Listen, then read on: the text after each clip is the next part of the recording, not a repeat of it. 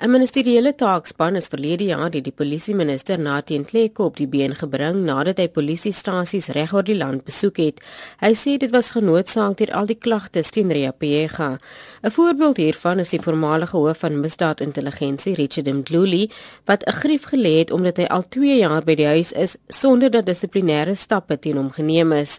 Kleko sê die taakspan het bevind dat Mdluli met vooroordeel en opset behandel is en dat geld vermors word deur hom op volle salaris by die huis te hou. Hy sê daar is aanbeveel dat 'n verhoor so gou moontlik gehou moet word. General Luli does not know why such steps uh, were not taken and he's in limbo being at home for more than 2 years on full pay.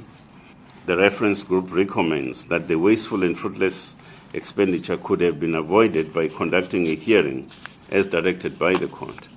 It further recommends that the National Commissioner committed a misconduct in terms of the PFMA and that the National Commissioner misled Parliament with regards to a reporting to Parliament that a disciplinary charges or process had been started against Lieutenant General Mdluli. Ntleko sê daar is verskeie kere bevind dat Pega skuldig is aan wangedrag. Senior managers such as Lieutenant General Libya and Lieutenant General Mufome were removed from their posts as Deputy National Commissioners without being consulted. They were given posts of lower ranks than the ranks that they hold. They were declared redundant after they did not accept demotion. And the fact that they were declared redundant, they were summarily dismissed by the National Commissioner. The finding by the reference group in regard to this particular complaint is that the National Commissioner did not follow the SAPS prescripts as well as the dictates of the Labour Relations Act. Now, the recommendation by the reference group is that the National Commissioner committed a misconduct in this regard.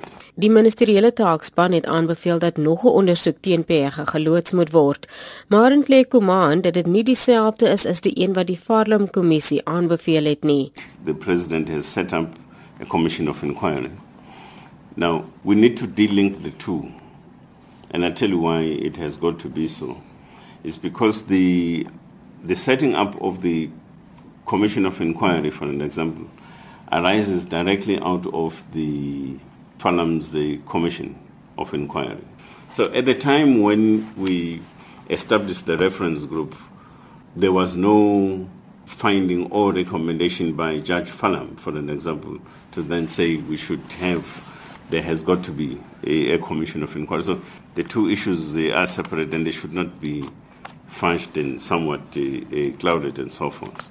Drie spanne sal nou op die been gebring word om te kyk na kwessies van menslike hulpbronne, die ondersoek na moontlike kriminele klagte teen Pega en nog een sal kyk na kommersiële misdade wat moontlik gepleeg is. Eers as die spanne hul ondersoeke afgehandel het, sal Ntleko besluit watter stappe hy neem. Zelin Merrington, Parlement.